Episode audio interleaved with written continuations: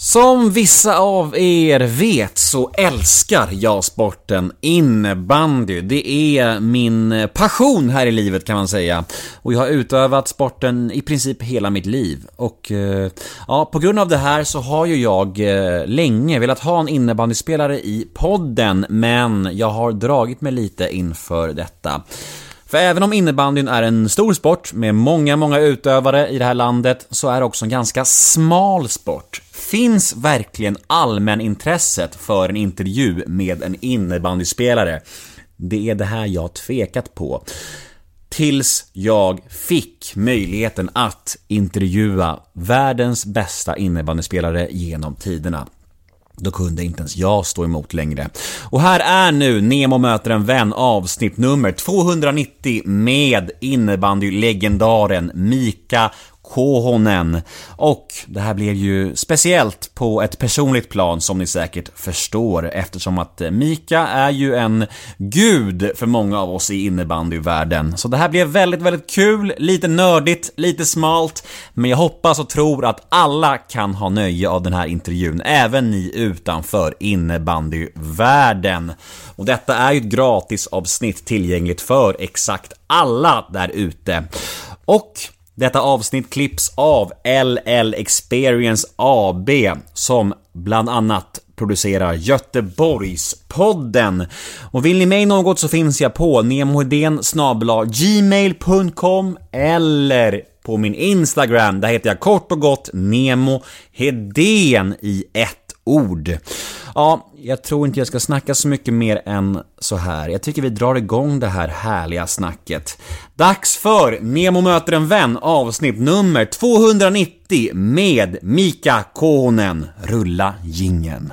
Nemo är en kändis, den största som vi har. Nu ska han snacka med en kändis och göra någon glad. Ja! Nemo, ja det är Nemo. Nemo möter en vän. Ja, vi kör Nemo möter en vän med Mika Kohonen. Tjena! Hej! Fan, hej. hur är läget? Det är bra. Tack, tack att jag får vara med och eh, välkommen till vårt lilla hus. Ja, tack så mycket för välkomnandet och eh, det är my pleasure att, eh, att du vill vara med i den här podden. Eh, hur, eh, hur mår kropp? Eh, kroppen mår sådär. Ja, du haltar. Ja, precis. Det har gått sakta ju. Jag, jag, här sedan gick jag av i december i finska ligan. Jag spelade i Finland förra året. Och eh, man får betala gamla synderna att eh, i samma benet ju, jag har artros i knät i två ställen och eh, det läker lite sakta. Jag brukar läka väldigt fort men, men det här tar tid. Men, men som sagt, det är ju gamla synder med. Eh, jag är ju 20 dagar till eh, 42 år så börjar jag bli lite på åren och alla andra skallar i kroppen så det tar lite tid men, men sakta men säkert. Mm, jag blev lite ledsen när jag såg att du haltade. Jag tänkte så här, fan han kommer nog lira snart igen. Ja, alltså hjärnan och hjärtat skulle jag vilja, vilja lira hela resten av livet ju men, men elitidrott funkar inte så, så direkt ju men, men jag har inte kunnat ta någon beslut slutgiltigt ju att, att eh, om det var sista säsongen förra året eller, eller någonting. Eh, jag vet att spelet har jag i kroppen på ett annat sätt ju. Eh, att spela i SSL eller finska ligan och sen för, för egen del, jag behöver moroten eh, till, till landslaget och VM och det är ändå ganska... Eh, oavsett att man skulle inte ha några skador så det krävs ganska mycket när man är så pass eh, eh, ung gammal som jag är ju. Att, att det är ju med, med, med vikten och behöver träna mer men, men kortare och få återhämta och allt det där. Det är ju... Det är vad det handlar om att eh, när man spelar länge och blir, blir lite äldre att, att man, man, man kämpar mot klockan till och med ännu mer än, än, än mot motståndare. Eh, och, och man kan ju sakta den klockan men till slut man... Den matchen vinner man inte. Det, så funkar det.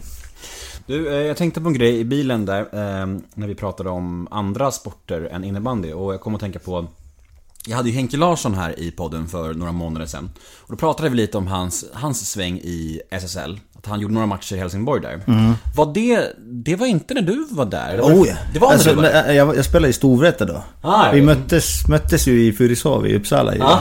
Eh, och jag vet ju, jag spelade ju i Helsingborg eh, två säsonger där och Mm.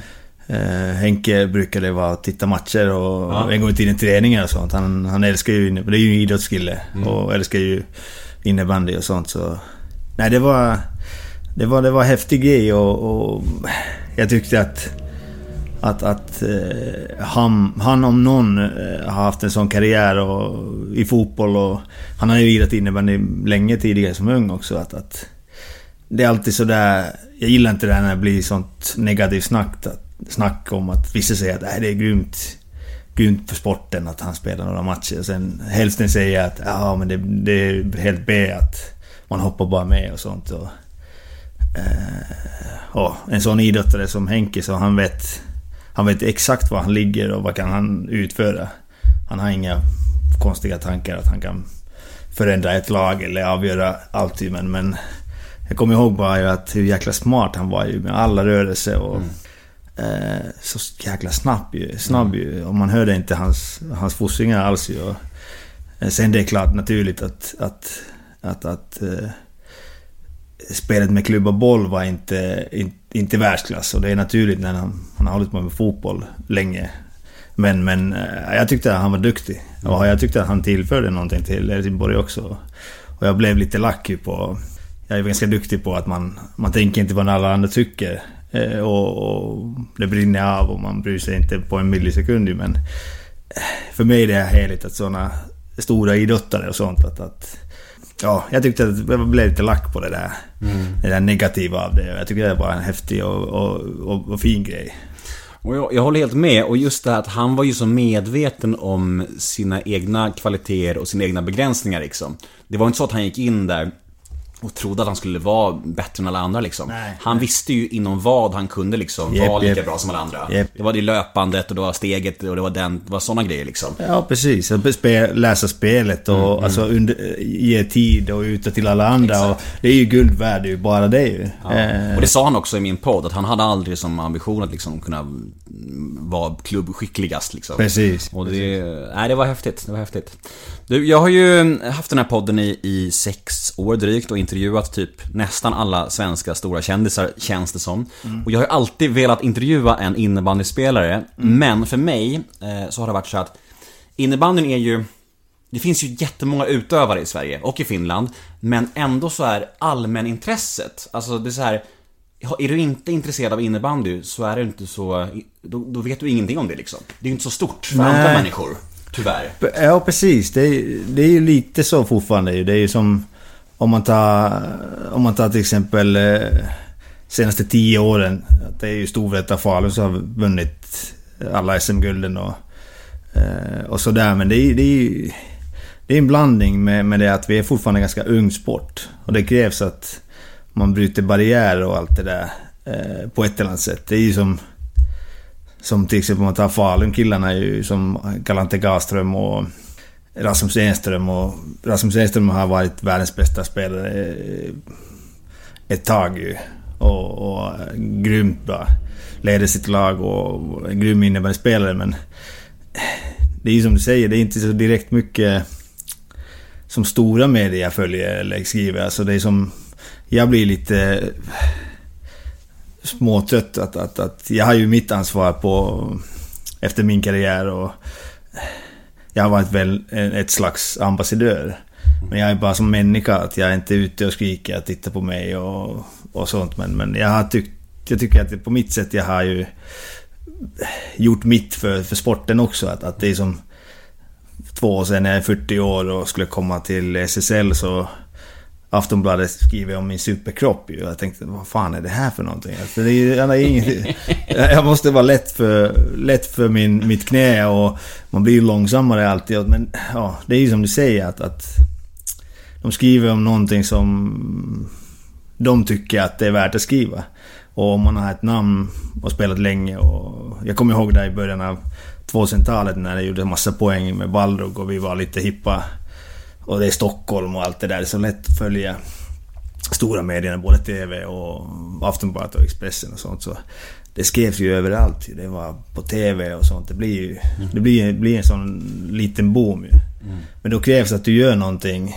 Eh, och i mitt fall var ju att jag gjorde ju 107 poäng i första säsongen och spelade ganska, kanske lite annorlunda än dem och på något sätt säkert vara med och förändra sporten. Hur man spelade i, i långa loppet och så. Men det krävs att det händer någonting och, och det som... Jag har ju uppfattat att du, du är innebandykille och sånt att äh, alla de här grejerna vid sidan som är livsviktiga livsviktigt för vår sport att det får äh, spridning och, och det lilla hjälpet som hockey och fotboll till exempel behöver inte. Så det, vi är fortfarande en ung sport och måste betala våra läropengar och, och bryta barriär på något sätt. Vi är fortfarande på, jag skulle säga, någonstans innan tonåringsåren. Så det är mycket jobb att göra och, och ja, om vi förtjänar som en sport så det kommer en tid att saker och ting är mycket lättare för oss. Och jag tänker att bryta barriärer, det är något som vi gör här nu idag också. För du blir ju den första innebandyspelaren i en stor svensk intervjupodd. Ja, det där är en stor ära ju. Ah. Hoppas, hoppas jag kan vara lite småintressant. Ja men det är också så, för jag, som, som jag sa till dig för en stund sedan, att jag har alltid velat ha en innebandyspelare Men det kändes för smalt för den stora massan. Men samtidigt, om jag någon gång skulle ha en innebandyspelare, då vill jag ju ha världens bästa genom tiderna. Och det får jag ju nu. Ja, det, det är snällt. Ja, det, det, jag har stort ansvar. Nu måste det här bli något, något extra, så vi får ta i. Ja, men hur förhåller du dig till det uttrycket, världens bästa spelare genom tiderna? Kan du ty- tycka att du är det själv, eller hur känner du inför det? Det är väl ingenting som man, som man tänker ju. Alltså det är ju lite filosofisk fråga ju, hur man är som person. Alltså... Jag är ju väldigt, vad ska man säga? Eh, när jag var så ung, jag var ju lugn och blyg och nästan rädd att vara i skolan och om man behövde prata med någon och sånt ju. Idrotten var en sån, alltså, där pratade vi min språk och... Även om man visar inte så mycket känslor, men inombords, det bara... Alltså det är en eld och alltså det är ren kärlek. Det har varit så alltså små ju. Hockey och fotboll och spela med kompisarna ute och allt det där. Men, men för mig det har varit så att jag har alltid velat vara bättre än, än den som jag möter. Bättre än någon annan. Men folk som är lite mer utåt och sådär så de kan skrika ut att ja, jag, jag, jag ska vara bäst. Jag, jag är bäst eller någonting. Så det är en filosofisk fråga men det är ju... För mig idrott har alltid handlat om tävling.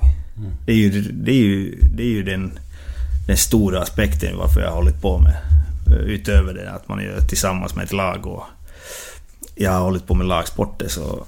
Eh, den grejen men de, de, Och jag tycker att man betonar alldeles för lite i... Här i Sverige är det lite bättre än i Finland men... men competition, det är ju precis allt. Och det innebär ju att, att även om det är lagsport, att man ska vara bättre än någon annan. Så, ja. Sen alla får ha sin egen åsikt och tiderna förändras. Det har varit såklart för mig att, att, att, att jag har inte varit världens bästa på, på länge. Men oavsett dag och vilka jag möter så jag kan vara bättre och kommer vara bättre än, än någon annan i världen. Mm. Så det, det är ju sån... Jag tror att man, man, man kan titta bakåt sen när man har slutat spela och kanske få distans på allt och någon dag säga att nej, jag gjorde det helt okej. Men jag, jag har ju varit väldigt hårt mot mig själv vad som gäller vad jag gör och vad jag har uppnått och på många sätt jag är inte, jag är inte ens halvnöjd vad jag har gjort. Men det här är ju också en, en skillnad. Det är ju som lite som vi snackade, du frågade tidigare också om vi tar 2000-talet där ju... Så Niklas Ide var ju, var ju garanterat i alla fall en av de världens bästa spelare. Men, men han gjorde mycket för sporten utöver innebandy. Att han var som person nu så mycket utåt och syntes och hördes och, och sen till slut han, han, nu jobbar han med, med idrott och TV och allt det där och är grymt duktig. Jag sa till honom att fan vad bra han är ju på, på de här Viasat-sändningarna men, men, men eh, det är ju också, jag tycker att det är en, en personfråga vem du är som människa men, men, men det har inte varit tveksamheter eh, sen jag var liten. Att jag vill vara bättre än någon annan. Men kan det inte vara frustrerande, tänker jag, att... Eh, för, för mig är det så här, nu är det på en, en otrolig skillnad på nivåer såklart. Men jag kan känna att när jag till exempel väger några kilo för mycket, att jag inte är så bra som jag är i skallen. Att jag vet att jag kan vara bättre om jag bara blir av med några kilo till exempel. Om jag är i toppform, då vet jag att jag är mycket bättre än vad jag är om jag är liksom... Ja men om jag är kanske otränad till exempel. Mm. För dig menar jag, nu när du liksom, ja, är lite äldre så här, och du har varit så jävla överlägsen i den här sporten. Kan det inte vara frustrerande på plan när du, när du kan känna så här, men shit, det där hade jag grejat för några år sedan till exempel? Jag tror att min, min kärlek till, eh, till vad jag gör och sporten generellt, eh, den övervinner det där. Jag fattar mm. exakt vad du menar och jag har ju alltid varit sån att det finns väldigt många elitidrottare i alla sporter, både lagsporter Eh, och, och eh, individuella eh, utövare. Så, som behöver den där att jag måste vara gjort det här och jag måste väga exakt så här mycket. Jag måste ha haft de här träningarna och Eh, för mig det här... Alltså oavsett väder och form eller någonting. Det, jag tävlar. Och jag tänker inte att... Nej fan jag kan inte vinna nu om, jag, om det är lite så här. Men ju, ju längre tiden går och ju äldre man blir och man... Man kanske slutar bli som en travhäst ju som tittar bara så här rakt utan lite bredare vinkel. Men, men då fattar man ju att alla det här... Alltså när man är 42 så vikten är en stor del av snabbhet och rörlighet och allt det där. Eh, träning ger någonting, alltså formen och som du pratar här. Så det är procent ju som du... Som du Hoppningsvis vinner mot, mot de som du möter. Så det är små procent som du skapar innan du börjar tävla. Sen när du är där och tävlingsmomenten, alltså... Det finns många som blir jätteosäkra och, och, kan inte prestera om man har hittat exakt rätt Men för mig det har alltid varit eh, heliga, heliga biten på den där tävlingsgrejen. Att, att eh, det finns inga ursäkter eller... Eh, sen hoppningsvis man lär sig av misstagen och så men, men eh, stora delar är ju som... Om man ska säga senaste 4-5 åren är ju så jag har fått anpassa mitt spel ju. Att jag kan tävla och få matchen till mina villkor och kan hjälpa laget mest ju. Att jag, jag har tvingat, eller tvingat mig själv att, att förändra mitt spelsätt. Ju. Även om jag spelar likadant, men jag har spelat back senaste 4-5 åren. Men, men eh, man måste ju förändra sig ju att, att, att, att kunna vara med på den nivå som jag vill.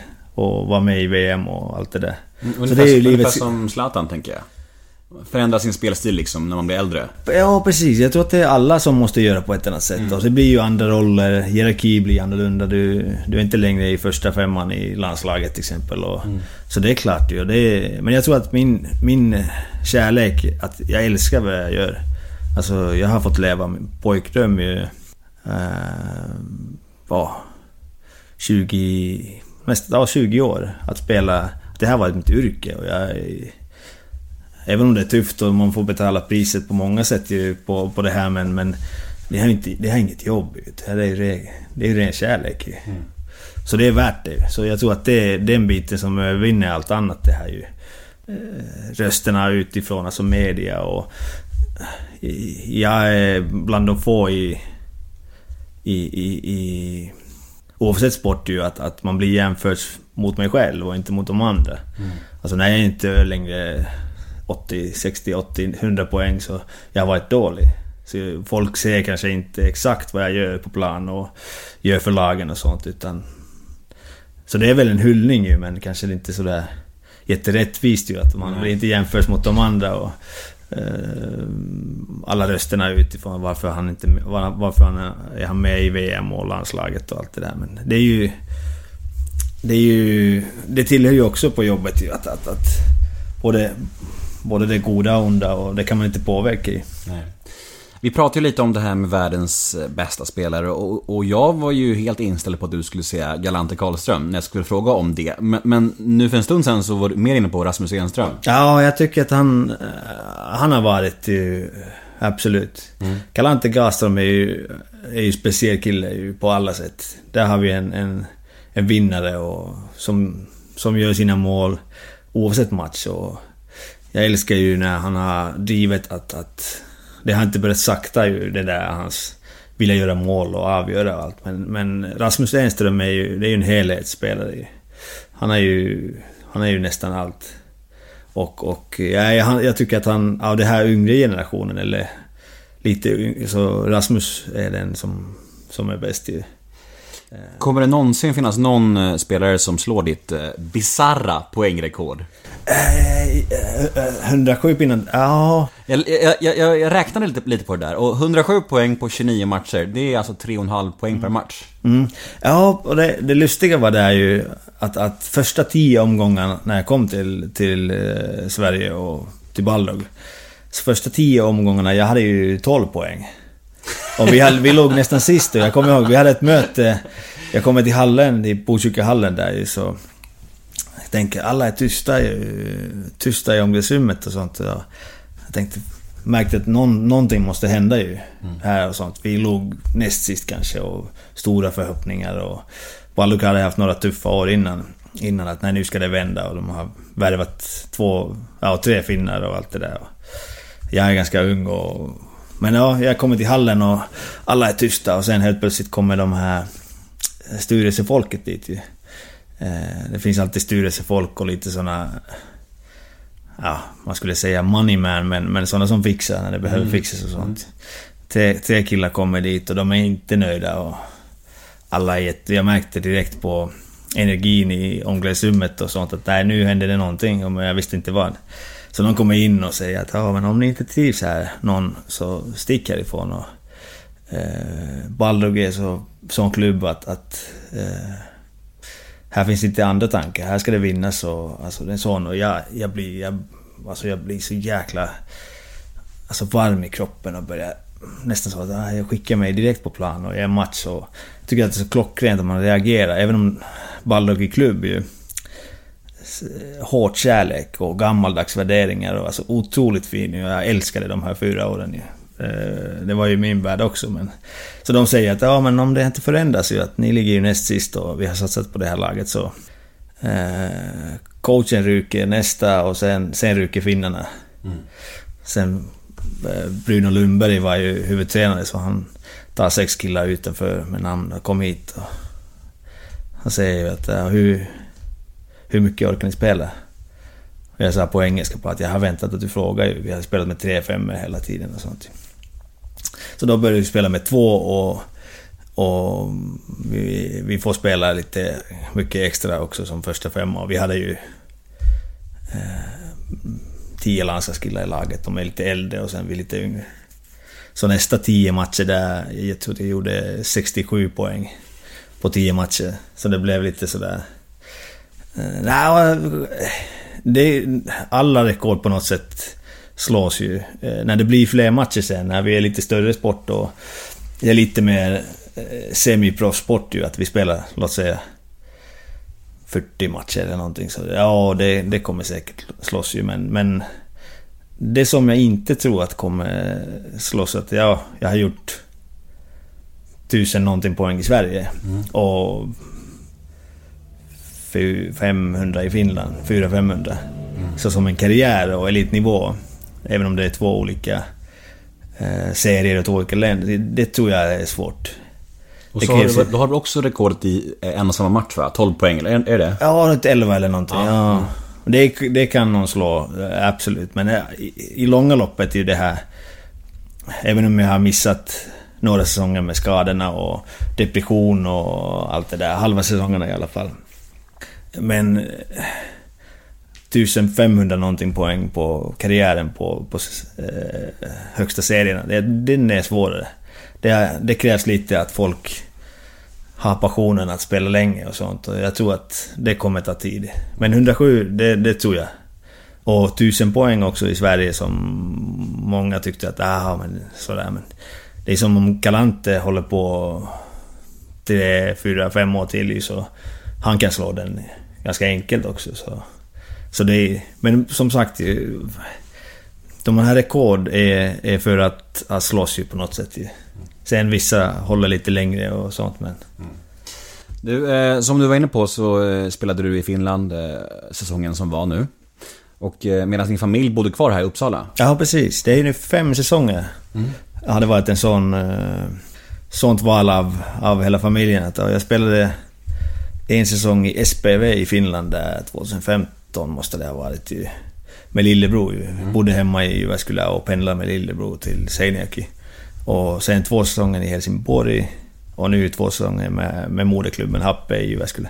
Så jag har bott hemma i, i barndomshemmet eller i Helsingborg och familjen har bott här ju. Det är ju...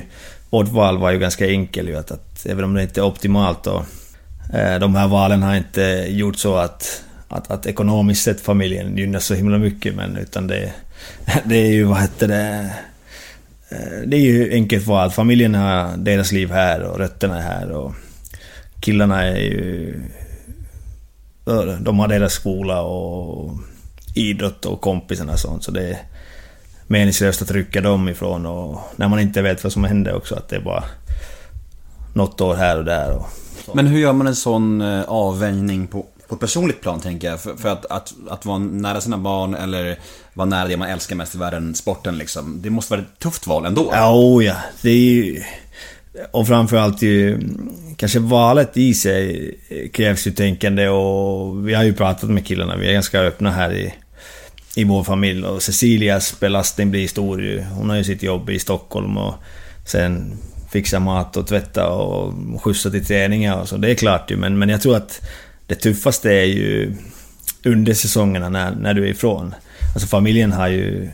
De, har ju, de är ju tre här och har varandra och mitt ansvar som pappa och sånt. Och det, den, den skulden på många sätt är ju ganska tung ju i nacken ju. Att, att jag borde väl göra något helt annat. Och det är framförallt de här november, december där när man är mitt i säsongen och det blir lite mörkt i, överallt och man börjar tappa lite kraft och sånt. Så på kvällarna när man inte gör någonting så det är klart att, att man funderar att vad fan håller jag på med? Att, att vad som är det viktiga. Men, men jag har ju haft väldigt stöttande fru och, och, och den äldre varianten eh, har ju förstått helt och hållet. Den yngre har reagerat lite nu senaste åren att, att, att, att kanske det är inte så bra att jag är så långa stunder borta men, men, men nej, det är ju, det är ju ett... Nej, det är, det är ett val och, och det har vi gjort tillsammans eh, som en familj. Att, att som, jag, som jag sa redan tre år sedan att, att jag vill spela livet ut och så, så länge jag klarar av med min kropp och hjärnan och hjärta och gå igenom det där men det får inte kosta vad som helst. ju. Eh, jag skulle inte... Jag skulle inte offra familjen eller, eller, eller sätta familjen i läge att vi... Att det händer någonting. Det skulle jag inte göra. Då, då skulle jag gå... Gå ifrån, gå ifrån allt och ta den kampen med mig själv sen vad som krävs att, att släppa idrotten och komma tillbaks till fötterna. Det kommer bli en svacka för mig när jag slutar. Det, eh, och det är skrämmande också. Mm. Vi ska prata om det nu tänkte jag. Eh, Du fick avbryta säsongen i eh, december. Mm. På grund av eh, hälsenan rök.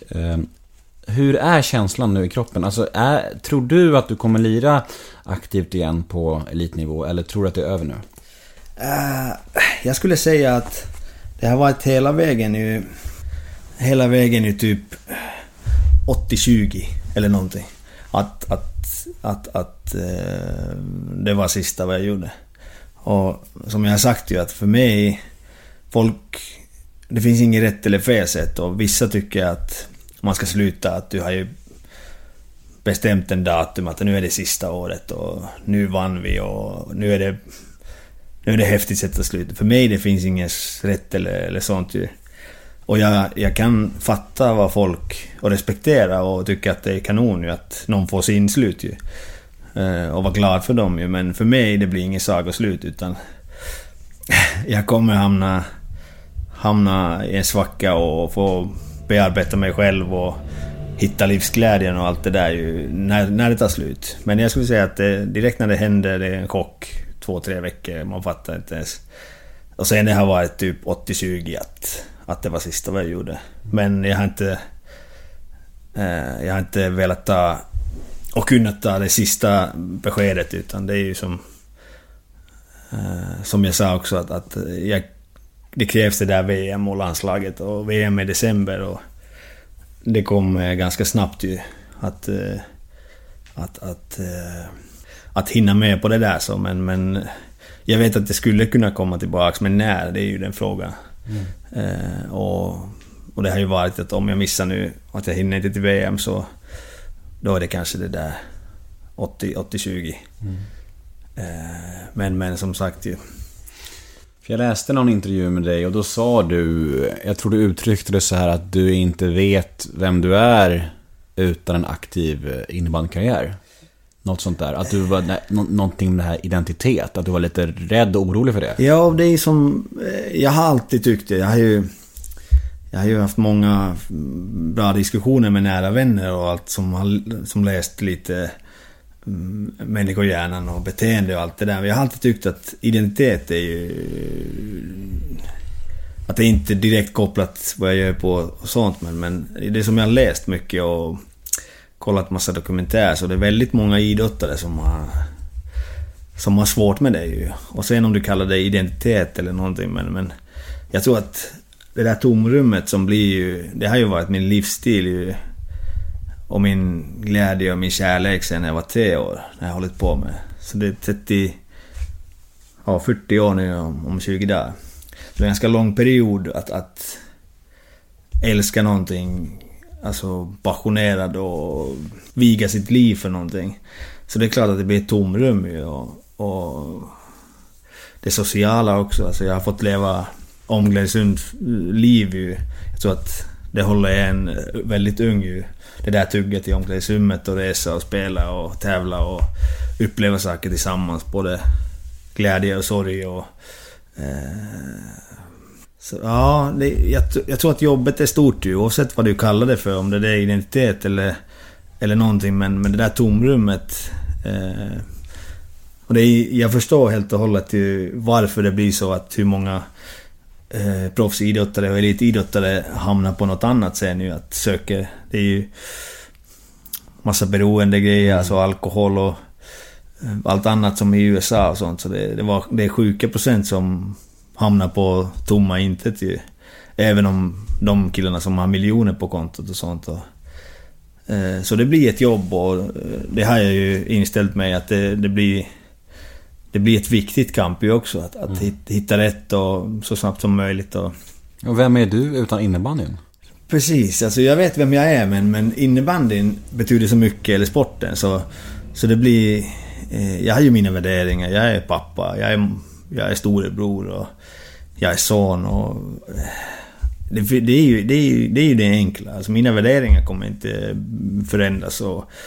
Eh, mig som person, min eh, raka ärlighet och allt det där och... Eh, lojalitet mot nära, så det kommer inte förändras men, men men någonting, någonting kommer hända ju med, med den där... På samma dag när, när allt är färdigt ju. Och, Är det jobbigt, tycker du, att prata om det här? Är det li- lite sorgligt? nej, alltså... Det var väldigt jobb, jobbigt, vet jag inte. Men sorgligt och skrämmande var det att prata om typ 4-5 år sedan. Alltså 2007 sa läkaren till mig att ska jag sluta nu eller efter säsongen? När jag opererade mitt knä. 2007? 2007. Eh, så på det här sättet, det är en ganska lång process och jag har inte blivit så mycket smartare men jag tycker att det här är ju... Det här är ju ganska... ganska nyttigt. Alltså är du med? Att, att till, till slut... eh, Jag har alltid eh, letat mig till eh, oftast de äldre men också yngre som är smarta människor som pratar om intressanta saker. Och jag är en sån person som som suger in massa info. Jag iakttar om jag går till en... Oavsett om det är någon middag någonstans som man inte känner eller, eller hos finska presidenter på självständighetsdagen. Alltså, jag iakttar och, och kollar och det är också som jag som person att... att, att, att eh, ja, man suger in info, sen man tar info om man tycker att det är bra för mig och sen kan jag tycka olika och sånt men det är väldigt nyttigt och nästan terapeutiskt om man säger så, att prata om det där. Men det är stora frågor och jag förstår för, för många om man tänker att ja, men idrotten kan inte vara så, att det är något annat. Men man har sagt ju, eller man har sagt ju de här forskare i USA ju att, att, att sluta spela är ju är som att, att du tappar en, någon nära dör eller, eller en, en långvarig eh, partnerskap eh, slutat i skilsmässa. Att du, det blir en sån svacka där ju. Mm. Och det är lätt att förstå ju. Sådär. Och kanske folk som håller inte på idrott kan hitta andra anknytningar. Att Det blir som en livskris ju på något sätt. Ju. Men det är också så svårt att förklara för någon som inte har älskat en sport. Ja, ja, ja. Det är ju omöjligt. Jag kommer ihåg när jag drog mitt korsband för drygt, eh, ja det var tre eller fyra år sedan och, och min mamma bara sa Men du kan ju börja med något annat, Ka- kasta pil kanske. Och jag bara Men vadå precis. börja med något annat? Precis. Jag älskar ju den här sporten. Jo, jo, ja. Ja, precis. Det, det, det, det är exakt så. Men ja, folk kan ju... Folk kan ju... Alla älskar ju någonting. Då kanske man jämför så, men oftast blir det så att nej men det är ju bara idrott och sånt. Så det kan Ja. inte vara så stort ju. Men det är ju exakt som det är ju. Det blir ju... Men, men jag hoppas, eller tror och hoppas att det är många... eh, Jag fick ju en... Eller hade bränt ut mig, jag sov ingenting. blev Det är knäskada från början. Sover ingenting, kan inte ta ett steg och spelar, ingen märker någonting. Och sen när det går fyra år, så någonstans på vägen man har bränt ut sig och till slut ju fattar man att nej, det här är inte rätt ju att... Alltså, det blir bristning i vaden och axeln går sönder och hela... Alltså hjärnan börjar stänga kroppsdelar. Går man till läkare och säger att nej, du är svårt deprimerad. Eh, och sånt och alla de här skadorna och sånt. Så jag, jag tror och hoppas att alltså, livet ska vara... Alltså det ska vara glädje och kärlek och så men, men det är inte bara det där dans på rosor utan du ska lära om saker och jag tror att att gå igenom någonting lite tufft ju eh, och komma ut på andra sidan sen ju att du har upplevt och växt som människa mer än, än många andra ju. Alla gör sin kamp och alla har sina sina strul och bra perioder, dåliga perioder men men eh, livet ska inte bara vara det vore tråkigt annars om allt är, allt är så lätt och kommer enkelt och alla bara ler och någonting. Alltså det, det är ganska bra att man känner någonting. Alltså jag hade så många många, många år på det ju när jag var så trött och sov ingenting och käkade alla mediciner och kan inte gå och spela. Och, mm, sen det var inte bra att jag hamnade i depression förstås men, men när man inte känner någonting och man försöker bedöva det på, på, på något annat. Så det är det som är det farliga och det är det som är... Det är att du börjar tappa dig själv. Eh, men... Men en kamp mm, mot någonting eller något, det är ju ingenting negativt. Även om det just då känns så. För förstår du vad jag menar?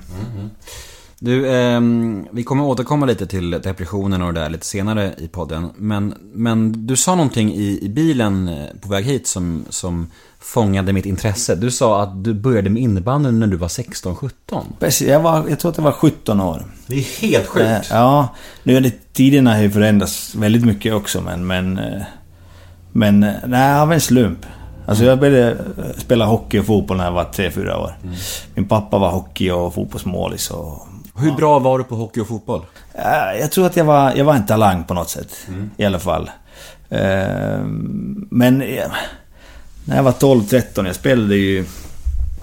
Fotboll med ett år äldre och med, med lika gamla som jag. Och hockey med lika gamla och i högsta nivå i juniorerna i Finland. Och jag tränade två, tre gånger per dag ju. Med allt och så...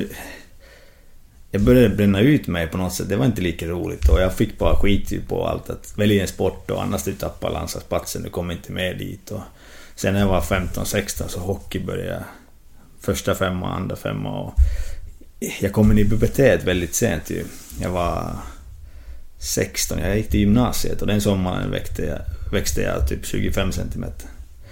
Så jag var ju som i hockey och fotboll, jag var ju teknisk och, och, och bollskicklig och då var det ju i Finland eh, väldigt mycket att storlek, snabbhet, hårdhet och laget, femmorna och dumpa och bara brottas och sånt. Och jag var med, med lite lirare och sånt men av en slump, en, en kompis frågade när jag var 17 år. När jag var 16 och jag lämnade de här junior-elitserienlagen i, i Jyväskylä stadion, både i fotboll och hockey. Och idrottsmässigt flyttade tillbaka till hembyn nu, alltså en mil utanför stan nu och spelade med herrarna. Division 2, alltså tredje högsta i fotboll och, och fjärde högsta i hockey. Eh, tränade mindre. Eh, jag spelade med folk som hade spelat med min pappa. Och några hade gått samma klass som min mamma och allt det där. Eh, jag hittade glädjen och det är så jäkla roligt att hålla på. Eh, så en kompis frågade en vår, jag var 17 år, eh, som hade spelat hockey, ett år äldre än jag. Eh, I, i djup också där i, på, på elitserien så. Så att nej, häng med till... Eh, A-juniorer är de äldsta i Finland Häng med till SM-slutspel i sista turneringen, alltså SM... Um, eh, vad kan det vara? Det var åtta lag kvar ju. En helg och spela om medaljen. Så, nej, vi hade spelat sådana korpenturneringar med kompisar tidigare innebandy, men ingenting annat. Så att, men fan, det, det lät ju roligt ju att, att... Jag har ingen hockeymatch ju, det var april eller någonting. Så jag hänger med och... Vi, vi kom tvåa. Alltså vi fick silver i Finland. Eh, och jag vann poängligan där. Och sen frågade de i Happes elitserielag, de frågade att vi ville skriva en kontrakt och kom med och sa att nej, jag är hockeyspelare och nej, jag kommer inte med. Så tredje gången när de frågade på hösten, då hoppar jag med och säger att ja men jag kan följa med men om, om vi har en hockeymatch och jag spelar hockey och inte innebandy. Men det blev inga krockar och eh, efter typ ett eller vad ska man säga, ett, ett eller två år fattade jag att nej, det här är min grej. Och då slutade jag med hockey och spelade fotboll fortfarande på somrarna. Även om jag inte fick ju, det får man ju inte säga till, till Baldock där ju. Men, men, eh, men i alla fall så, nej, jag fattade vad innebandy var. Jag hade ju ingen aning, jag hade inte sett innebandy innan. Jag visste att man spelade i elitserien i Finland och det fanns EM och allt det där. Eh, men nej, jag fattade alltså den, den snabbheten och både med tekniska och fysiska delen, att det går så snabbt. Det blir mål, alltså det är anfallsglatt och allt det där. Alltså det... Äh, ja, jag fattade, det, jag fattade att det här är min grej. Mm. Äh, och jag fick ju frågan i... När jag var fortfarande 60... Spelade i Sverige redan nu och hade spelat VM och allt det där från hockey att... Om jag skulle testa ändå en sommar på ganska hög nivå och träna upp lite kilos och muskler och sånt. Men, men nej, alltså innebandyn... Nej, det var så jäkla roligt. Jag fattade direkt ju sen ju att... När jag fick tankarna bort att jag är hockeyspelare eller fotbollsspelare så... Jag fattade, det här är min grej. Fan vad roligt. Veckans Nemo möter en vän görs i samarbete Botox Cosmetic, out of botulinum toxin A, FDA approved for over 20 years. So, talk to your specialist to see if Botox Cosmetic is right for you. For full prescribing information, including boxed warning, visit BotoxCosmetic.com or call 877-351-0300. Remember to ask for Botox Cosmetic by name. To see for yourself and learn more, visit BotoxCosmetic.com. That's BotoxCosmetic.com. Hey, I'm Ryan Reynolds. At Mint Mobile, we like to do the opposite of what Big Wireless does. They charge you a lot, we charge you a little. So naturally, when they announced they'd be raising their prices due to inflation, we decided to deflate our prices due to not hating you. That's right. We're cutting the price of Mint Unlimited from $30 a month to just $15 a month. Give it a try at mintmobile.com slash switch. $45 upfront for three months plus taxes and fees. Promo for new customers for limited time. Unlimited more than 40 gigabytes per month. Slows. Full terms at mintmobile.com. medmänlig, som jag dessutom är en väldigt, väldigt stolt ambassadör för. Och i veckans avsnitt så pratar jag ju med eh, innebandylegendaren Mika Kohonen om när han gick ut med sin depression mitt under brinnande karriär. Mika var ju en av de allra första elitidrottsmännen som pratade öppet om sånt här och det blev ju enorm uppståndelse kring detta. Modigt och så otroligt viktigt att en stor idrottsman vågar prata om de här grejerna. Och om du känner att du mår dåligt så finns ju Mendley som ett perfekt alternativ. Mendley sysslar med chattterapi och genom dem så får du möjlighet att chatta med en legitimerad psykolog direkt i din telefon. Och detta utan någon som helst kostnad för dig som patient. Ja, ni hör ju själva, ganska så fantastiskt va? Så ladda ner Mendley idag och prova detta. Tack till Mendley ändå fint att du, du kunde inte välja mellan om du skulle bli hockeyspelare eller Precis. fotbollsspelare, fotbollsspelare så Precis. du blev innebandyspelare. Precis. Nej, det är, ju, det är väl, det är väl den, den processen ju att, att, att bestämma om någonting och sånt. Men jag var helt ärlig, jag kunde inte välja mellan hockey och fotboll. Eh, och kanske det blev lite sådär snäll, snällkillens rebellgrejer, att det blev sen något annat men... Men, men eh, nej, det är, det är ju roligt ju. Eh, Och det är ju väl livet... Du kan kalla det öde eller slump eller någon snubbe där uppe som styr oss eller någonting men det, är- det, det gör det härligt med, med här i livet också att saker och ting händer. Och hoppningsvis de har någon mening och sånt och i, i innebandymässigt jag är garanterad att det var, det var menat att det blir, blir så ju. Och jag får miljoner gånger frågor Eh, att, att eh, om en, du hade blivit bra i hockey eller fotboll och om och men och sånt. Men jag, det hatar jag mest här i världen. Att om och men och... Ja, det finns inte någon nytta av att tänka eller någonting. där. Allt har sin mening och... Eh, ja, jag är fantastiskt nöjd hur allt har blivit. Det blev ganska bra ändå. Jo, men livet och alltså alla de här mötena. Vi hade inte pratat här Nej. idag. Och min fru och mina två barn och alla eh, vänner som har fått och allt som har. Alltså det är ett fantastiskt rikt liv.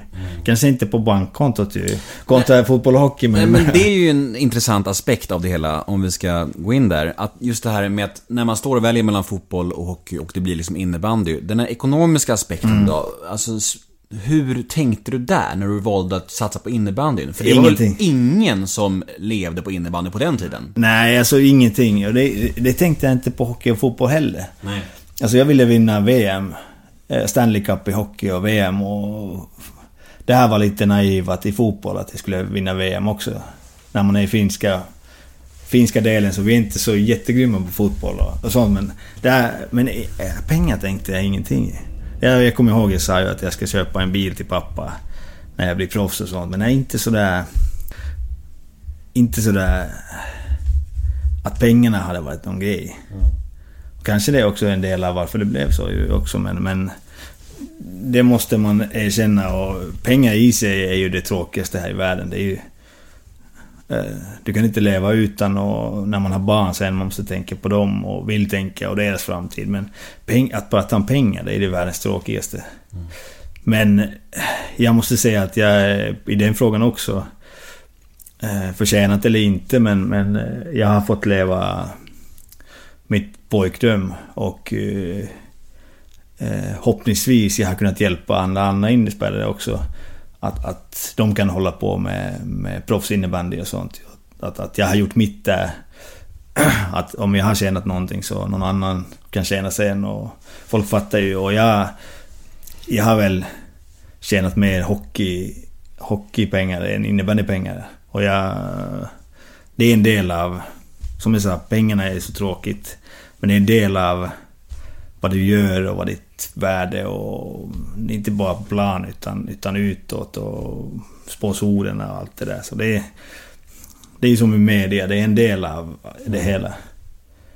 Och jag hoppas att jag, jag har kunnat hjälpa killarna bakom mig och yngre att, att göra mitt, att dra innebandyn lite, lite framåt och eh, att vi, vi spelare skulle, skulle på ett eller annat sätt kunna livnära på det. Mm.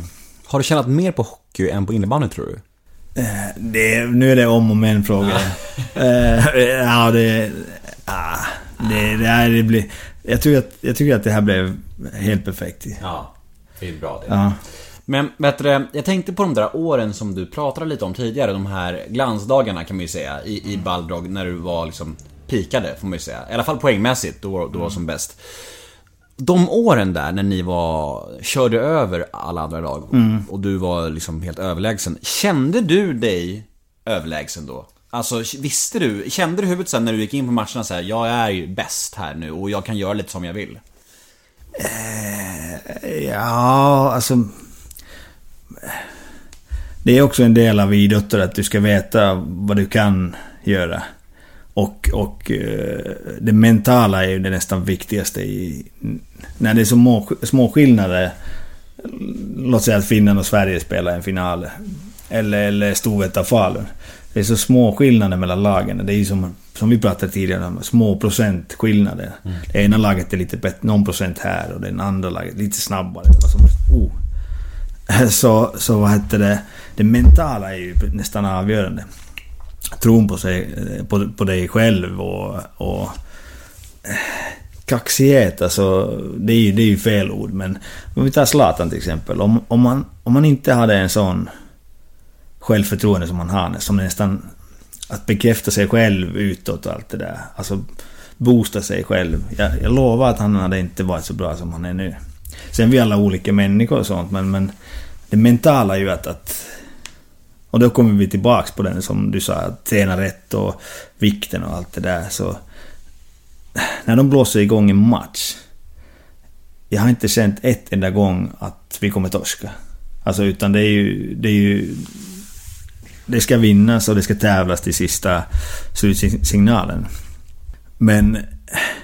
Jo, det är klart jag fattade att, att, att... Och det handlar om rätt omgivning. Femma var med, eh, coachen. Eh, den där tron på, alltså någon annan tror på det också. Och ge tid att spela och allt det där. Omgivning att, att som i Ballog. Det, det bara, det bara klickade ju. Alltså sådär spelmässigt och eh, det var en ganska härlig period av, av livet också. Den sista tiden när det var ganska... Vad ska man säga? Även om jag är 22 när jag kom eller något som en...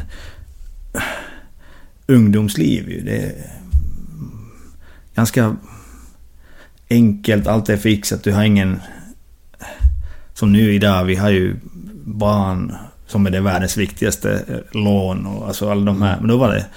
Jag hade lägenhet och lite pengar, hade roligt. Mm. Så inget sånt, ganska brydlöst på många sätt. Det sista tiden som var sådär, ska man säga, innocent. Mm. Om man kan säga. Mm. I livet. Men eh, det är klart att man visste att det kommer hända grejer.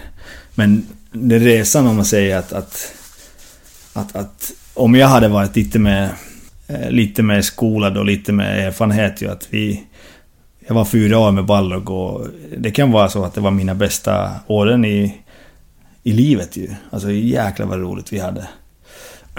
och det handlar om livsperiod också men...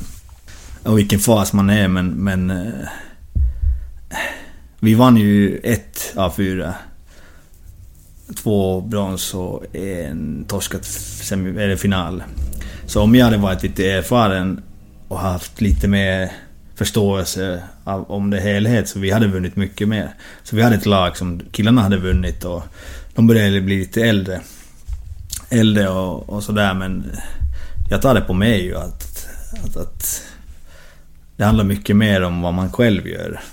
Eh, och om man skulle säga min prime är ju vi hamnar mycket mer närmare Storvreta-tiden ju 2010. Då var vi samma med landslaget och ska säga från 08 till 12 där någonstans. Och jag skulle säga att Ballrug, när jag kom dit, det var nästan som en högskola för mig ju. Och sen där efteråt när man tänker ju de människorna, det där villkorslös kärlek och hård kärlek. Och den resan som vad jag lärde och sånt. Och sen när jag kom till Storvreta efteråt, det var nästan så att jag blev en, en lärare ju. Så man tänker på helheten och femman och hjälper putta ännu mer killarna bredvid, eh, bredvid sig. Då var det den tiden att nej, jag ska, jag ska göra mitt, jag ska flytta alla berg som kommer emot och göra...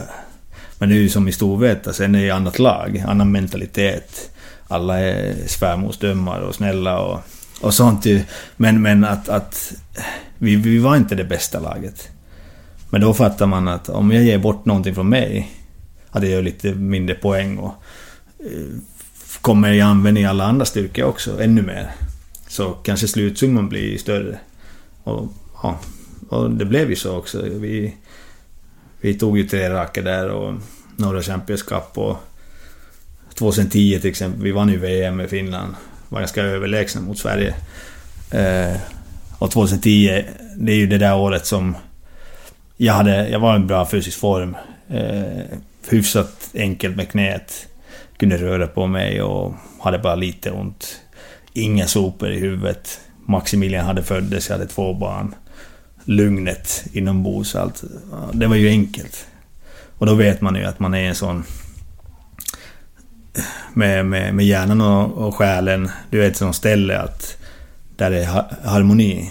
Och då, då händer saker automatiskt. Allt var i synk. Precis, precis. Och då vann vi VM-guld. Vi vann Storvretas första SM-guld. Vi vann Champions Cup med Storvreta och...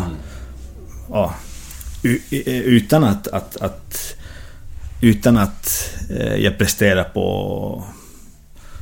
Ja, en, en, en bra hög nivå men inte något, något sådär superhäftigt eller någonting. Men Det blev var en sån- världens bästa då? Ja, precis. Men det är bara en sån, du vet, typ bara lägsta nivå och rutinnivå är så hög.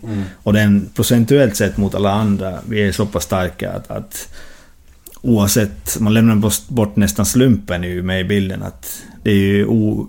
eh, ja, det finns bara ett resultat. Vi, vi kommer vinna till slut. Det är som en maskin som maler. Så jag sagt ju att, att, att, att, att skapa en dynasti eller vinna mer än en gång, det är nästan tråkigt ju. Du ska bara repetera de sakerna. Eh, precis de styrkorna som man har kontra mot alla lag, att det är så mycket bättre. Att, att, att det är inte något glam, glamouraktigt på det här sättet. Och, men det är ju så jäkla svårt att vinna, vinna många gånger. De flesta vinner aldrig.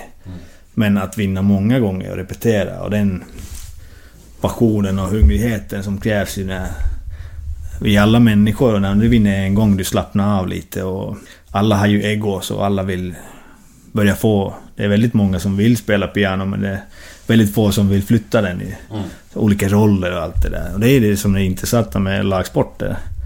Att, att, att, att få ihop det och gå på samma riktning och allt det där.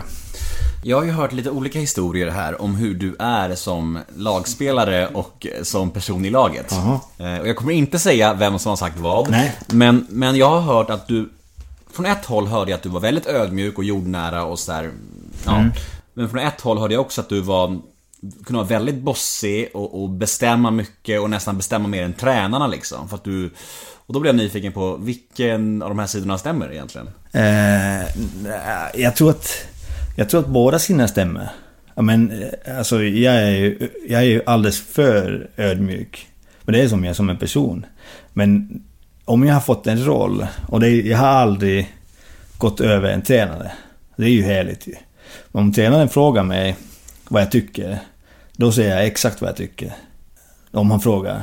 Eh, Och om tränaren har, har gett en roll, att jag ska leda på ett visst sätt. Som i Storvreta blev det ju också. Så då leder jag. Alltså med raka ärlighet. Och på mitt sätt. Så jag tror att båda, båda delarna, men, men grunden, grunden förändras inte. Det är ju ödmjukhet och lojalitet och, och, och eh, kärlek till, till laget ju på ett eller annat sätt. Men eh, garanterad eh, hårt ljud på vissa lägen och och, och eh, med peka med hela handen. Absolut. Absolut. Ja. Men jag misstänkte det, att det var både och liksom. Ja, ja, ja. ja, ja det är bra. Du, inför din comeback i, i Helsingborg, eh, i SSL då, för, för några år sedan, så, så pratade du i intervjuer om att du hade rensat, klock, du hade rensat kroppen från eh, socker, alkohol, mediciner. Och du kände, ja, men jag läste någon intervju om det. Och min fördom om finnar och alkohol är ju att eh, ni super mycket. Eh, Jag tror att det har börjat förändras lite. Eh, Men grejen är att jag tror att det, blir, det är inte så himla stor skillnad eh, kontra Sverige eh, och Finland. Men eh, i Finland man hymlar inte om det. Det är ingenting som folk säger att fy och elak och vad, man kan inte göra. Här i Sverige det ska vara mycket mer rätt ju. Att man kan inte ta ett glas vin eller öl med maten på dagen och, och sånt. Det ska vara mycket mer rätt ju. Nästan sådär hemligt men eh, jag tror att mycket handlar om handlar om att, att eh, våra äldre generationer som har upplevt kriget ju som barn eller, eller deras papporna har kommit... Lyckats komma hem och inte dött på andra världskriget till exempel mot Ryssland och sånt. Så de har fått uppleva så saker, sådana saker att de kan inte hantera livet ju. Och då har de bedövat sig själv eller hittat lösning på flaskan. Och barnen har fått uppleva den där och de, det har fastnat... Det där, deras minnesbilder och vad de har sett så... Det har förts vidare till nästa generationer. Mm. Så... Men det har ju börjat förändras ju. Det, det är inte, inte många kvar längre på den tiden men... Jag tror att vi är mycket mer... Det är, som, det är en stor skillnad. Det, det är ju som du säger, bara på tankesätt och sånt. Att, att som att spela ett finskt lag i, nu som jag spelade hem, i hemmastaden och allt är ju så hemma som det finns. Men det finns ingen som... Det är lite mer naturligt ju på något sätt. Det är ju tankesätt eller något att... Men jag tycker att... Jag tror att vi generellt sett finskarna försöker lite mindre än svenskarna att göra oss bättre att, att det ska vara rätt och det är sånt. Och det är ju sånt som händer. Om, ja, nu, det är inte så märkvärdigt ju. Men jag tror att det är inte så stor skillnad som man tror. Nej här är mycket med hus och det, det, är inte så snyggt. Men vad har du haft för relation till alkohol genom åren då? Eh, jag är inte absolutist alls ju. Uh, men men det, idrotten kommer ju först ju, så det, det begränsar ett sätt ju. Många sätt ju i, i och för sig. Men eh, nej, jag, jag, helt ärligt som, som jag brukar vara ju så... Så vi, vi har ju i släkten... Eh, släkten i båda sidorna egentligen. Eh, pappas och mammas ju...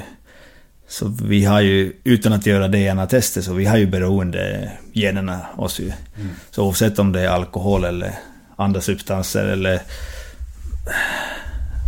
sex eller god... Det kan vara spelberoende. Alltså mm. det är någonting som jag, som jag fick fightas lite mot i unga åren. I spel och sånt. Det är därför jag inte börjat med nätpoker eller kasino eller någonting. Jag vet bättre att hur det blir. Kan inte åka till Las Vegas till exempel. Men, nej, så det, det är ju... Men vi, i våran familj ju, eh, Vi har inte haft alls något sidoskit eller, eller någonting. Alltså vi hade en, en trygg... Eh, föräldrarna satt kväll och drack med sina vänner och vi var hemma och det var alltid något, aldrig något, något sidostrul eller någonting. Men, men som sagt, ju, vi har ju beroende generna i våran släkt och mm på rätt, rätt, tillfälle, rätt tillfälle så absolut. Och det tillhör på något sätt, det är det som jag har fastnat på mig vad som gäller den där alkohol lite, så nästan som en tradition att eh, det är också lag, laggrej ju, lagfester eller avsluta säsongen ju tillsammans ju. Eh, oavsett om du har vunnit eller inte. Du ska vårda den säsongen. Eh, vårda den säsongen tillsammans. Dela den bördan tillsammans och hylla den säsongen. Att oftast är ju i, i elitidrott ju, det blir aldrig sam, exakt samma lag. Och en kille förändras och då blir det ett helt annat lag. Och i mitt fall det har ju varit att alkohol är inblandat ju. Mm.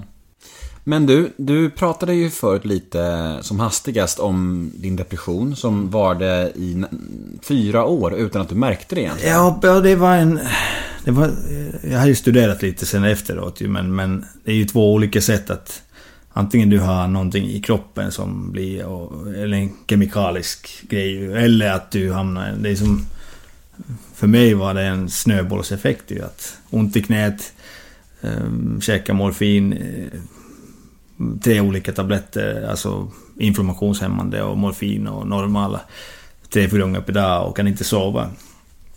Eh, sen börjar tankarna komma, du vet. Ja, nu är det slut och det här stora svarta hålet, att vad som hände efteråt när man har spela och... Och man hamnar i det där ekorrhjulet ju och snöbollen blir större. Och till slut, någonstans i vägen, du har ju bränt ut dig därför att du håller på exakt vad du... Uh, exakt vad du gör alltid. Träna två gånger per dag, spela matcherna. Vara en hyfsat offentlig person. I min smak. Mm. Jag är ganska anonym annars. Uh, klara, klara sitt jobb, att, att vara den, den du är som folk väntar och det, den du får betalt av. Eh, var pappa, allt det där. Till slut, ja, det går till depression och eh, diagnosen var mellan medels, medel till svår depression där. Mm. Men direkt, direkt när det, jag hade tänkt några år innan att nej nu, fan det är någonting som inte stämmer. Och inte bara så att jag sover en timme på natten och käkar. Jag kan inte ens gå och spela matcherna, ingen märker någonting. Men jag börjar gå sönder överallt. Och, och man fattar ju att man kan hamna i svacka och allt det där men jag tänkte först ju länge att nej men jag börjar, min kropp börjar säga ifrån att jag börjar bli gammal. Min kropp tål inte längre det här och sånt men, men det har jag inte det är inte tillräckligt att jag inte kämpar vidare. Att, att bara, om det är min kropp. Det är klart att jag kan vinna över min kropp men... Mm. Men, men när, när man får den där diagnosen så... Nästan så att man... Det är så oerhört lättnad ju. Att man fattar varför det har varit som det har varit. Och det är så simpelt men... Eh, att leva i den, den mörkret är ju att du känner ingenting. Allt är bara grått ju. Alltså, den krafterna som du har, du sätter till barnen att de missar inte någonting eller att jag skulle vara annorlunda mot dem eller något sånt men... Men, men jäklar vad härligt det är ju sen ju när det där grått börjar bli lite ljust sen ju. Mm. Efter en lång period när man har fått hjälp och sömntabletter och eh, prata med... Jag, jag, hade Johan Plate som är... Vad ska man säga? Idrottspsykolog? Idrottspsykolog och, och en sån mental rådgivare till många idrottare och mm. allt det där. Så han hjälpte mig där och prata och sånt. Och mm. Att det kommer ut, fan vad vilken... Alltså det... Utöver barnens födsel, så den känslan när du vaknar och du ser att nah, det är lite soligt där ute och du ser färgerna och mm. känner lukten och alltså att det inte är så grått längre. Så det är så jäkla mäktig, mäktig känsla ju. Och det är vad jag menar ju också att, att här i livet det tillhör de här lite sorgliga tuffa sakerna också. Men sen vad du gör under den och framförallt efter det, det, det kommer definiera vem, vem du är som människa. Hur togs det här emot då av innebandy Sverige? För jag menar, det är ju inte helt vanligt att elitidrottsmän pratar öppet om depressioner och sånt. Nej, det, det märkte jag snabbt. Alltså, egentligen här, här var ju också sån... Jag visste att här i Sverige och Finland och Schweiz och lite i Europa, alltså det kommer bli en nyhet. Och det kommer spridas så snabbt. Det är ju som media sexigt och allt det där. Allt som beroende också och sånt. Och någon gör någonting fel eller något. Det blir ju så här. Men eh, jag tänkte att jag måste... Jag har alltid jag har fått en sån uppfostran att vi... Ärlighet är ju allt. Alltså först var ju som Storvete sa, Storvete sa direkt, hur vill du hantera dig? Att vi är med om du vill ditt beslut och om man säger att oh, jag har ont i knät och jag vilar. Men det kommer komma ut i alla fall i, i dagens värld. Så jag gav en intervju, eh, UNT, Henrik Söderlund är, är, person där som, som skriver väldigt bra. Och han är också ärlig och sådär att, att, att, att en, en reporter som jag, jag litar, så han har ju kastat eh, inte bara hyllat mig heller, men, men alltså både goda och onda. Mm. En person som jag litar i en intervju och äger den där grejen, egentligen. Och det är klart det sprider. Och direkt när de bytte länder, Spanien och alla de här länderna. Och nej, jag ville inte ge någon annan intervju därför att jag är bara en. Och that's it. Och jag tar emot och jag, jag skämdes ingenting eller något men jag behöver inte prata om mina saker. Alltså öppet och skrika om sådär. Så det förändras ju direkt. I Finland blir det lite annorlunda när de översätter eller mm. gör på deras. Spanien blir något annat, Schweiz och sånt. Mm. Så det, det, är som en löpeld ju. Och nästa dag typ efter den intervjun när den spridits. Jag fick ju hundratals mail. Facebook, mail, sms och sånt. Alltså, unga, gamla idrottare, vanliga och sånt. Alltså, då fattade jag att det, depression och såna här mentala... Hur säger man ju? Såna här delar av Psykisk ohälsa. Ja, pre- precis. Eh, sådana här problem och sjukdomar är ju fortfarande tabu i våran värld. Och jag hade ju kanske varit naiv eller inte förstått det hela att det är ju... Det är som en cancer på 20 år sedan. Alltså en sån tabu och rädsla och... Alltså alla käns negativa känslorna som finns. Men jag fick ju så jäkla många från alltså 15, 14, 16-åriga unga tjejer och killar eh, som mådde inte bra. Som håller på med idrott, hade press, skola, idrott och föräldrar och som helst. Och jag fattade väldigt snabbt att nej, vi är inte där som... Våran eh, evolution som människorna, att, att vi har väldigt många saker som släpar ju. Att vi... Folk dömer ganska lätt. Folk är rädda och, och skäms om saker som borde inte vara så ju. Och det var ju kanske hoppningsvis bra ju att när jag gav intervju som inte tänkte att jag kan hjälpa någon ju. Och, och sånt ju. Men, men det, det är väl det sista som man behöver om man går igenom i sitt liv någonting tufft eller det kan vara sjukdom, det kan vara ja, livskrisberoende, vad som helst. Att, att, att du, du är rädd, det, det är naturligt ju, men att, att skäms eller någonting så det... Eh, ja, men det, det, vi är inte där. Alltså vi är ganska... Vi är ganska travhästar vi människor. Det går Våra- långsamt framåt. Absolut, absolut. Var det svårt att bli medicinfri? Eh, de medicinerna, eh, absolut. Jag eh, hade lite sådana tendenser i svåraste tiden med knät ju. Alltså kodein och morfintabletter är ju lite såna att... att, att, att eh, jag hamnade inte jättedjupt där men, men eh, jag förstår eh, hur beroendeframkallad vissa saker är ju. Så där, vad kan det vara, 2000... 12 kanske, någonting där. När jag hade som ondaste knät. 12-13 kanske. Och då, då, då var jag nästan där ju att, att behovet att ha tablett hade gått över från, från knät till att det var bra att ha tablett. ju. Du, ehm, nu ska vi slänga in två stycken frågor från vår eh, gemensamma kompis Andreas Stefansson. Aj, aj, aj, aj, aj. Ja. Eh, Andreas Stefansson, skyttekung i Pixbo, 37 mål i år. Eh, duktig spelare. Absolut. Absolut och nästan sådär... Även om han är yngre så är han nästan gammaldags i sitt spel. Eh, alltså otroligt duktig vad som gäller bland det viktigaste i alla lagsporter och bollsporter. Att, att hitta ett sätt att göra mål. Jag tror att många har ganska fel bild om honom och hans... Eh, ja, hur bra han egentligen är ju i innebandy. Men det är, det är så enkelt vad han gör och han gör svåra saker enk, enkelt. Och jag, jag, ty, jag, jag tycker att det är en, det är en, en, en otroligt duktig innebandyspelare. Och framförallt i sin roll ju. Den killen kan göra mål i alla vinklar och... Volley och backhand och det är precis, mycket sånt. precis. Och det är ju, det är ju old school. Mm. Dagen har ju blivit att man tar bollen i hoken och bågar och skjuter dragskott och sånt. Och, och det går sakta men han spelar det snabba, tidiga. Pang, pang, pang och... Jag gillar kraftigt. Jag gillar han, han är, verkar vara en kille också som Han är fiskfläkt. säger vad man tycker på Ja. ett sätt som folk eh, fastnar och jag, Det är en, en grej som man blir ganska mediatränad när man spelar så länge.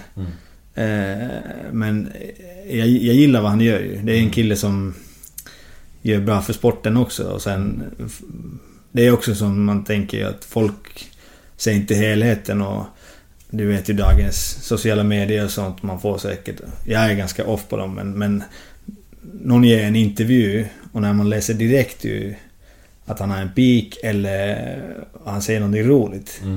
Så att ja men ah, han är så jäkla dum eller han är någonting. Jag tycker att han, ja, han gör det kanon. Både på plan och utanför. Mm, ja, han är, han är jävligt rolig faktiskt. Eh, och eh, hans två frågor lyder så här. Första frågan.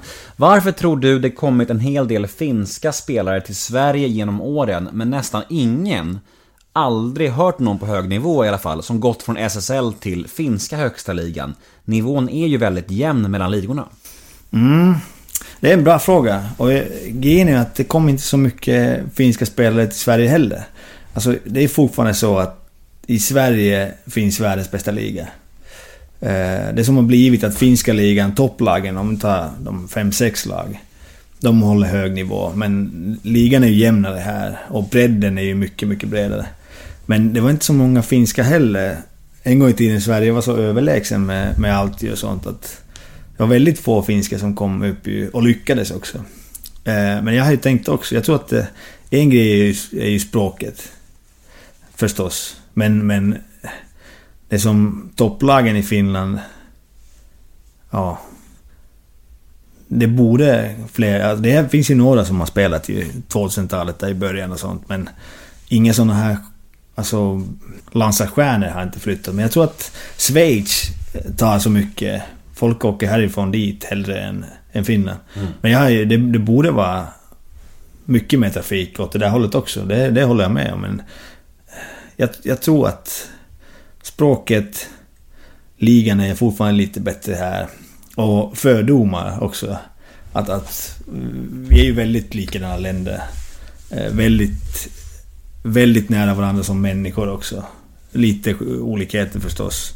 Men eh, lite fördomar och... och eh, ja, nej det, det är ju någonting som... Ja, någon av de här landslagskillarna borde göra det. Jag tror mm. att det skulle bli Hör det Stefansson, dra till Finland. Precis. Okej, nummer två från uh, Stefansson. Uh, innebandy och innebandyspelare får ofta försvara sporten, oftast efter påhopp och kommentarer från hockeyvärlden. Hur är det i Finland? Min allmänna uppfattning är att det inte riktigt är samma kultur där. Jag uppfattar det alltså som att det är vanligare i Sverige med gnälliga och stöddiga hockeyälskare. Eh, det har ju förändrats i båda länderna. Absolut. Jag tror att, att, att det har varit lite större i Finland när vi har vunnit VM-guld ju. Eh, och de vinsterna har ju eh, gjort att, att respekt, respekten har höjts rejält ju. Men jag tror att det är samma i båda länderna att tiderna har förändrats. Väldigt mycket ju. Och jag ser det bara på av de kompisarna som spelat hockey och fotboll i NHL, KHL och Europa, Sverige, Finland och allt det där. Så från alla andra sportsutövare. Så den respekten finns redan där ju. Och jag ser det på en enkelhet ju att om vi tar sponsorer och politiker som bestämmer om saker att... Att... Eh, de nya generationerna som vet vad innebandy är och har själv hållit på och, och har någon när, närmare anknytning på det. Eh, om vi går tio år framåt när nästan alla som bestämmer om någonting, antingen om pengar eller, eller politik och sånt, när de är där och bestämmer och vet vad innebandy är så allt är mycket lättare ju. Om vi går 20 år tillbaks när det var folk hånade nästan ripstorsport och exakt den där hockeygrejen, att du lyckades inte hockey och sånt. Så det, jag tror att vi är förbi den stadiet. Men det är fortfarande de här gammaldags människorna som som är så envisa att det finns bara ett rätt och det är hockey eller, eller fotboll. Och här i Uppsala det är isbandy, att det är ju det är det riktiga bandysport och, och, och sånt. Ja. Men det är, det är ju såna, det är lite fördomar, de vet inte vad det är och det är någonting nytt ju. Och, eh, ja, som vi sa ju tidigare i bilen ju att om man tar 80-talet så i Finland och Sverige, jag, jag, vet inte om det var så många heltidsproffsar i fotboll och hockey. Och, man har spelat över 100 år då, redan då. Och mm. innebandy är ju 30-40 år. Mm. Så vi är ju ung sport, men jag, jag, på svar på frågan. Eh, jag tror att det har förändrats väldigt mycket. Sen det finns en bit kvar ju, men det är ju upp till oss spelare och alla som är involverade i sporten eller älskar sporten att, att, att föra den ännu vidare. Och det kommer hända. Alright, eh, tack Stefansson för de frågorna. Tack, tack. Eh, avslutningsvis så ska vi damma av några lyssnarmail som jag har fått in här. Första mejlet lyder så här. Du har ju spelat i en rad olika klubbar genom åren, men varför blev det aldrig AIK under deras glansdagar? Oj. Jag tror att det handlar om mycket, mycket om att när jag kom till, eh, till, till Sverige och spelade i Stockholm med i Botkyrka där med Balrog. Så vi mötte AIK i alla fyra åren i playoffs. Och det var ju riktiga derbymatcher. Det var... Eh, det var... Det var hat på plan ju och... Alltså otroligt fina matcher. Och AIK då hade kommit upp i elitserien som det var då. Och mm, var i playoffslag och vi mötte dem i finalen en gång. Eh, men deras storhet, storhetstid blev efter det. Men, men jag tror att det fastnade någonting där ju att, att Vallrug var mitt, mitt lag i Stockholm. Och vi hade... Det, under playoff-serien, det var mordhot, samtal hem och... Eh, vad hette det? De följde efter oss, våra bilar, hem till Botkyrka efter matcherna. Och Det var en sån... Alltså, och jag... Det var ju... Det tillhörde ju den där kärleken till sin klubb och allt. Alltså fullsatta på läktaren och... De sjöng ju Vi hatar finnar ju i 60 minuter där. Så att håret bara reste när man sprang där. Alltså otroligt fina matcher. Men jag tror att det blev mycket och jag, jag pratade efter en... Var det 05 när jag kom till... Till Storvreta sen ju. Vi hade en landskamp på Johanneshovet så... Där var Lasse Kranqvist och... Och AIK-killarna där och sa att vad säger du om... Om vi skulle snacka om AIK? Så jag sa ju att... Jag har jättestor respekt för AIK och den klubben. Allt det där men... men det skulle kännas fel efter fyra år med Baldock där ju. Det var ju... Det var ju mitt lag i Stockholm på något sätt. Och Niklas Ide gick, gick dit sen ju. När han kom tillbaka från Schweiz. Och, eh, de tog ju några där och var, var en, en ledande kraft i svensk innebandy. Men... Ja, nästa mail lyder så här. Varför blev det aldrig Schweiz för dig? Givet dina meriter som världens bästa så borde ju ditt namn varit väldigt attraktivt där nere. Jag menar om en sån som Gide och Bult Larsson med flera tjänade storkovan där nere, varför gjorde du då inte samma resa? I Sverige är det ju långt ifrån de nivåerna lönemässigt. Eh, ja, från början tänkte jag ju att... Eh, det började väl 96 när jag fått kontraktsförslag från Schweiz. Eh, så jag tänkte, jag vill spela så länge som möjligt eh, i den bästa ligan. Med och mot de bästa spelarna i världen. Det, det har varit den moroten och den miljön som jag har velat vara i. Den tävlingsnivå och utmaning och allt det där. Och sen tänkte jag ju att ah, men i, i slutet av karriären jag skulle vilja uppleva Schweiz. Eh, och det har inte varit... Pengar var inte det viktiga där heller ju, men... men jag har ju haft ju till och från...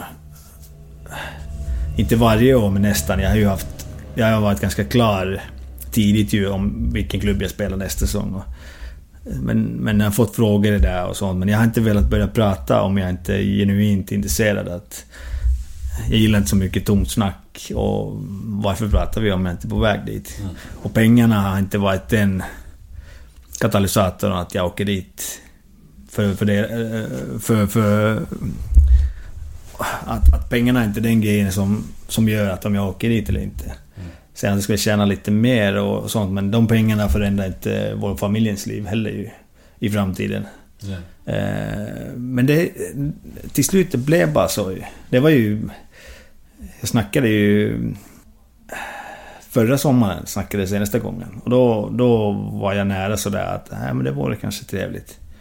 Att åka dit och spela och uppleva och lära mig lite schweizisk-tyska igen och... eh, Men nej, det kändes fel ju. Jag, jag ville, ville spela hemma och rita cirkeln färdigt i hemstaden och sånt. Mm. Mail nummer tre. Vad har du för synpunkter på att Falun blev svenska mästare på det sättet som de blev i år? Eh, enkel fråga. Eh, nej, fa- ingenting om Falun. Eh, det är inte deras beslut ju, det är förbundets beslut. Eh, fel. Eh, det är heligt med, med våren och playoffs och förtjäna eh, som spelare och att, att du, du går igenom den playoffs-våren och i klubben det är två bästa lag, eller i Malmö någon gång tidigare också, men, men som möts och efter matchen du skakar hand ju med varandra och den respekten ju att den ena har blivit den bästa laget i Sverige och den andra har blivit tvåa och rättvist eh, tävling. Eh, heligt med idrott och sånt. Och jag tycker att beslutet eh, minskar värdet på pokalen och vad det betyder. Men det handlar inget om Falun ju. Det är ju inte deras beslut ju. Eh, otroligt bra lag. Eh, mm, många ja, Thomas, Thomas Brottman som är huvudtränare. Jag spelade med honom i Balrog, nära vän.